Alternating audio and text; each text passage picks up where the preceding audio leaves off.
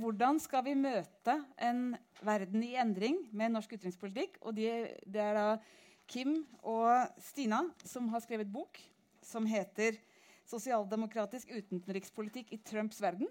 Så dette blir spennende. Vær så god.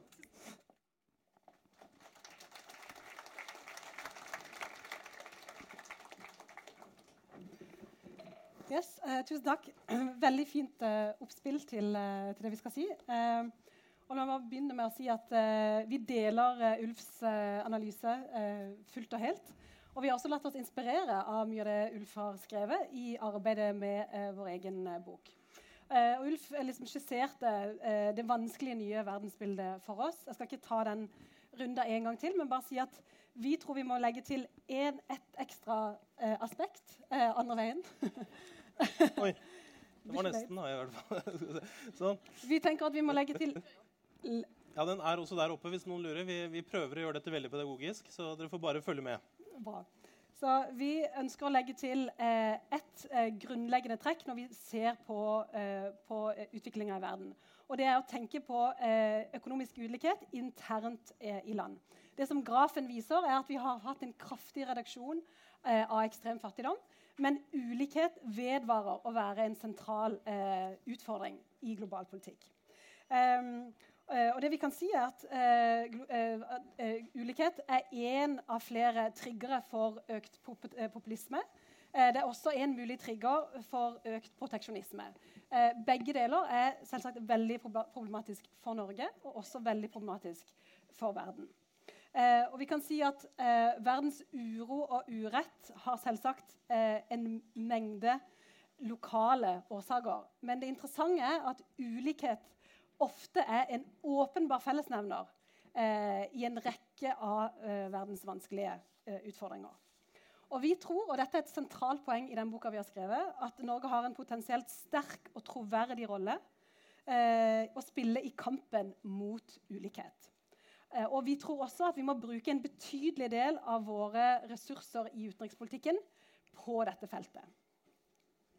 Men for å få til det så må vi også endre norsk utenrikspolitikk. Eh, og Som del av det arbeidet vi la ned i, i, i denne boka, så så vi litt på eh, hvordan vi har brukt tid og penger eh, i tre regjeringsperioder siden 2001 eh, i Norge. Og Her matcher vi mye av det som Ulf allerede har skissert opp.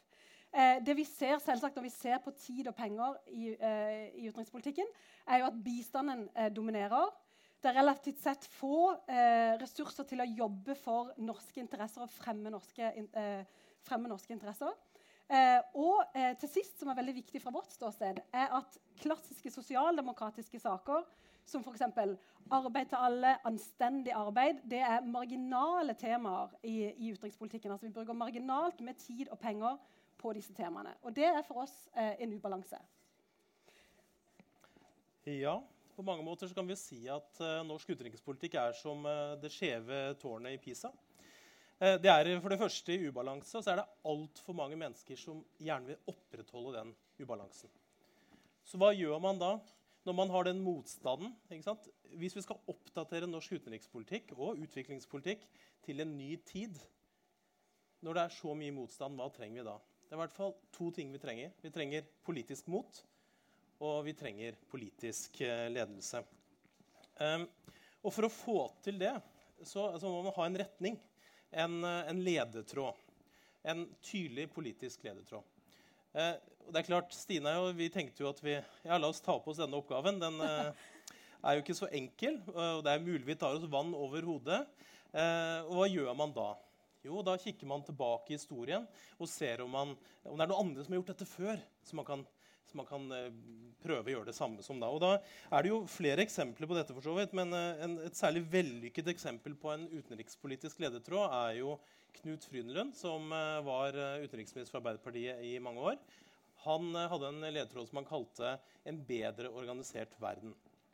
Poenget hans var at vi må regulere samarbeidet mellom statene så de, de store statene ikke tramper på de små, som Norge.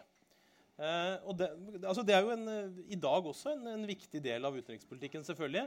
Men, er, men, det er ikke nok. Det er ikke nok å bare regulere samarbeid mellom statene.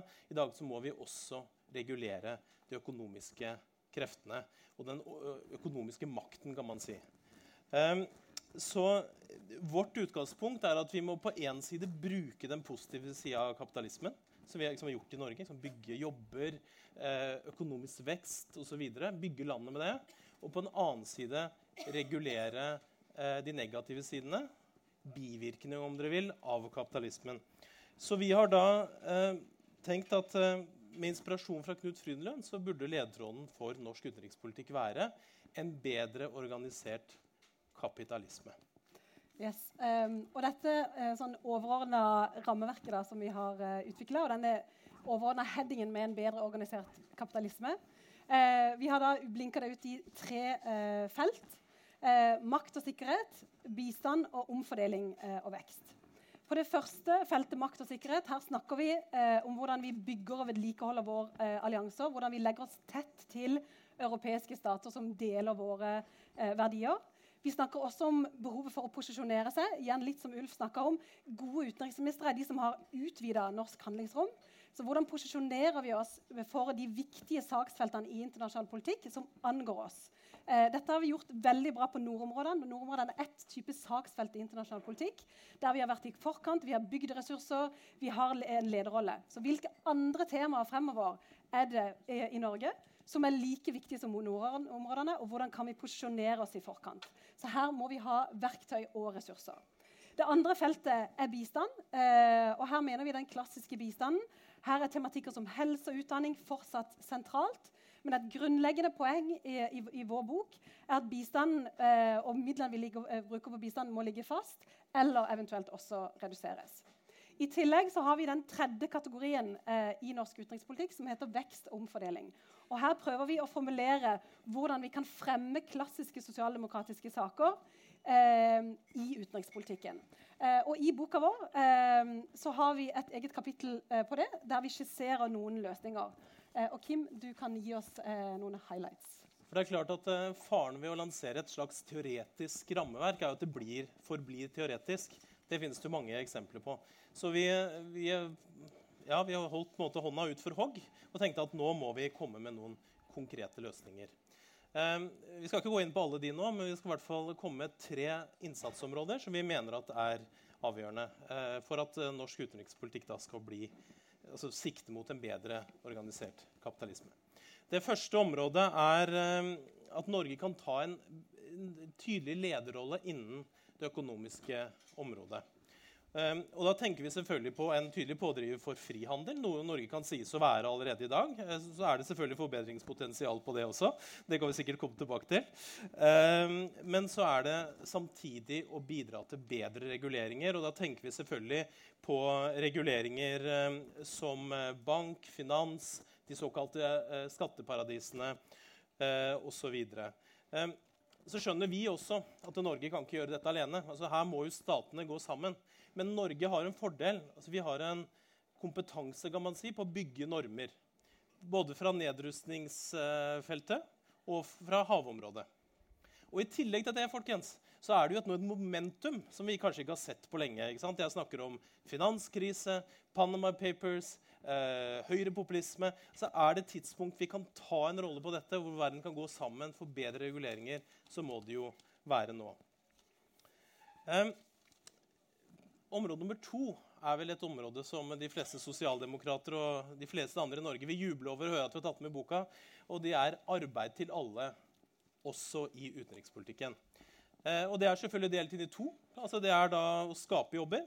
Og det er å skape bedre jobber og uh, bedre arbeidsliv, bedre organisert arbeidsliv. Ikke sant? Trepartsarbeid osv. Uh, når det gjelder, gjelder næringsliv i norsk utenrikspolitikk, så mener jeg at det er en stor forbedringspotensial.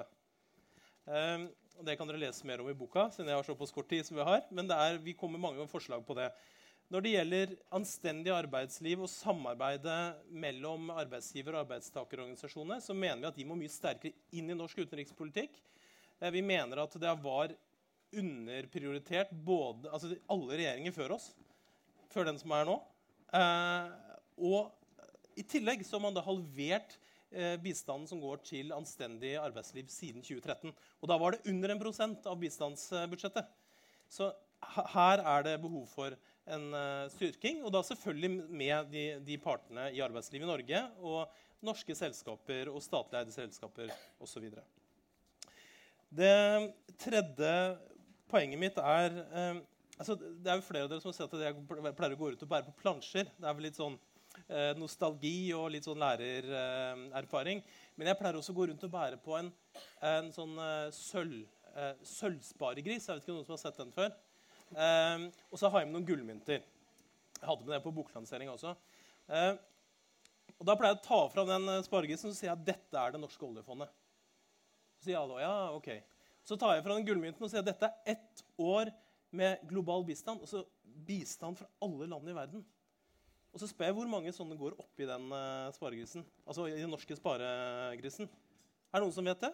Hvor mange år med internasjonal bistand som passer inn i oljefondet? Syv mynter. Syv år med bistand eh, går inn i det. Og hvorfor sier jeg det? Jo, fordi det tredje området vårt er nemlig det som Ulf også virkelig løfta, og det er liksom, Finans må ha en eller annen form for fokus i norsk utenrikspolitikk. Eh, og Eksempelet med sparegrisen min viser jo bare det at sant, bistanden er, har lite å si mens finans har mye å si. Og Det er jo bare ett fond. Selv om det er et av de største i verden, så finnes det jo veldig mange andre fond som investerer der ute. Um, så, så, vårt poeng er ikke å bruke det norske oljefondet som uh, bistand. Vi mener at rammene, altså ikke bruke det politisk. Rammene er sånn de er i dag. Men det vi må gjøre, er å bidra til at uh, omdømmet når de investerer i dag i over 75 land og kommer sikkert til å investere flere, må ivaretas. altså Noen må sørge for det. Um, norsk utenrikspolitikk for fondet, og ikke motsatt. sånn som Ulf var inne på. Eh, det er nødt til å, liksom, Oljefondet hva de gjør, har noe å si med investeringene og reguleringene i internasjonal finansverden. og vi har sagt at Norge også skal bidra til. Og Det tredje som vi mener kan ha mye større impact enn den norske bistanden, er at det er et stort potensial for, uh, for, at oljefondet har mer fokus på ansvarlige investeringer gjennom de nesten 10 000 selskapene de investerer i. Uh, ja. Nettopp. Dette det gjelder, bare for å plukke opp på ansvarlige investeringer, så eh, Vi snakker ikke om et nytt etisk rammeverk. Det vi har på oljefondet i dag, er veldig godt. Eh, men, men, det kan bli mer effektivt. Eh, og vi kan fronte en agenda internasjonalt rundt ansvarlige eh, investeringer. Eh, der vi kan ha effekt på vårt eget oljefond og også andre eh, investorer. og Der det ligger enormt potensial der. Eh, ansvarlige investeringer er fortsatt en, en, en, en, ny agenda. Det er upløyd mark både akademisk og i praksisfeltet. Og Norge har en kjempespennende rolle å spille her og bygge et miljø rundt ansvarlige investeringer. Eh, så det Vi har gjort nå, vi har tatt en sånn racerfart gjennom den boka vi har skrevet. Og, og, det vi har eh, prøvd å gjøre, er å presentere et rammeverk for norsk utenrikspolitikk. Eh, og Poenget med, med, dette rammeverket er å, eh, at det skal trigge oss til å prioritere bedre. Og tenke på hvor ligger årsverkene og hvor ligger pengene i den norske uh, utenrikspolitikken. Og vi tenker da at vi må ha en bedre balanse enn det vi har hatt frem til nå. Og at vi må ha en balanse mellom de tre feltene på sikkerhet, på bistand og på vekst og omfordeling. Eh, og igjen, Den oransje her det er bistandssektoren. og vi tror at det er en fare for at Norge blir en slags eh, kongelig Gates eh, Foundation. At vi må vekk fra det og til en progressiv sosialdemokratisk stat som kan tørre å fronte tøffe saker på det økonomiske feltet internasjonalt. Og da kan vi vel avslutte med å si at Hvis noen da har lyst til å kjøpe denne fine boka, med den fine forsida, så kan det gjøres bakerst i rommet etterpå. Og selvfølgelig under arrangementet også. Så da tusen takk for, eh, for oss, og vi gleder oss til debatten.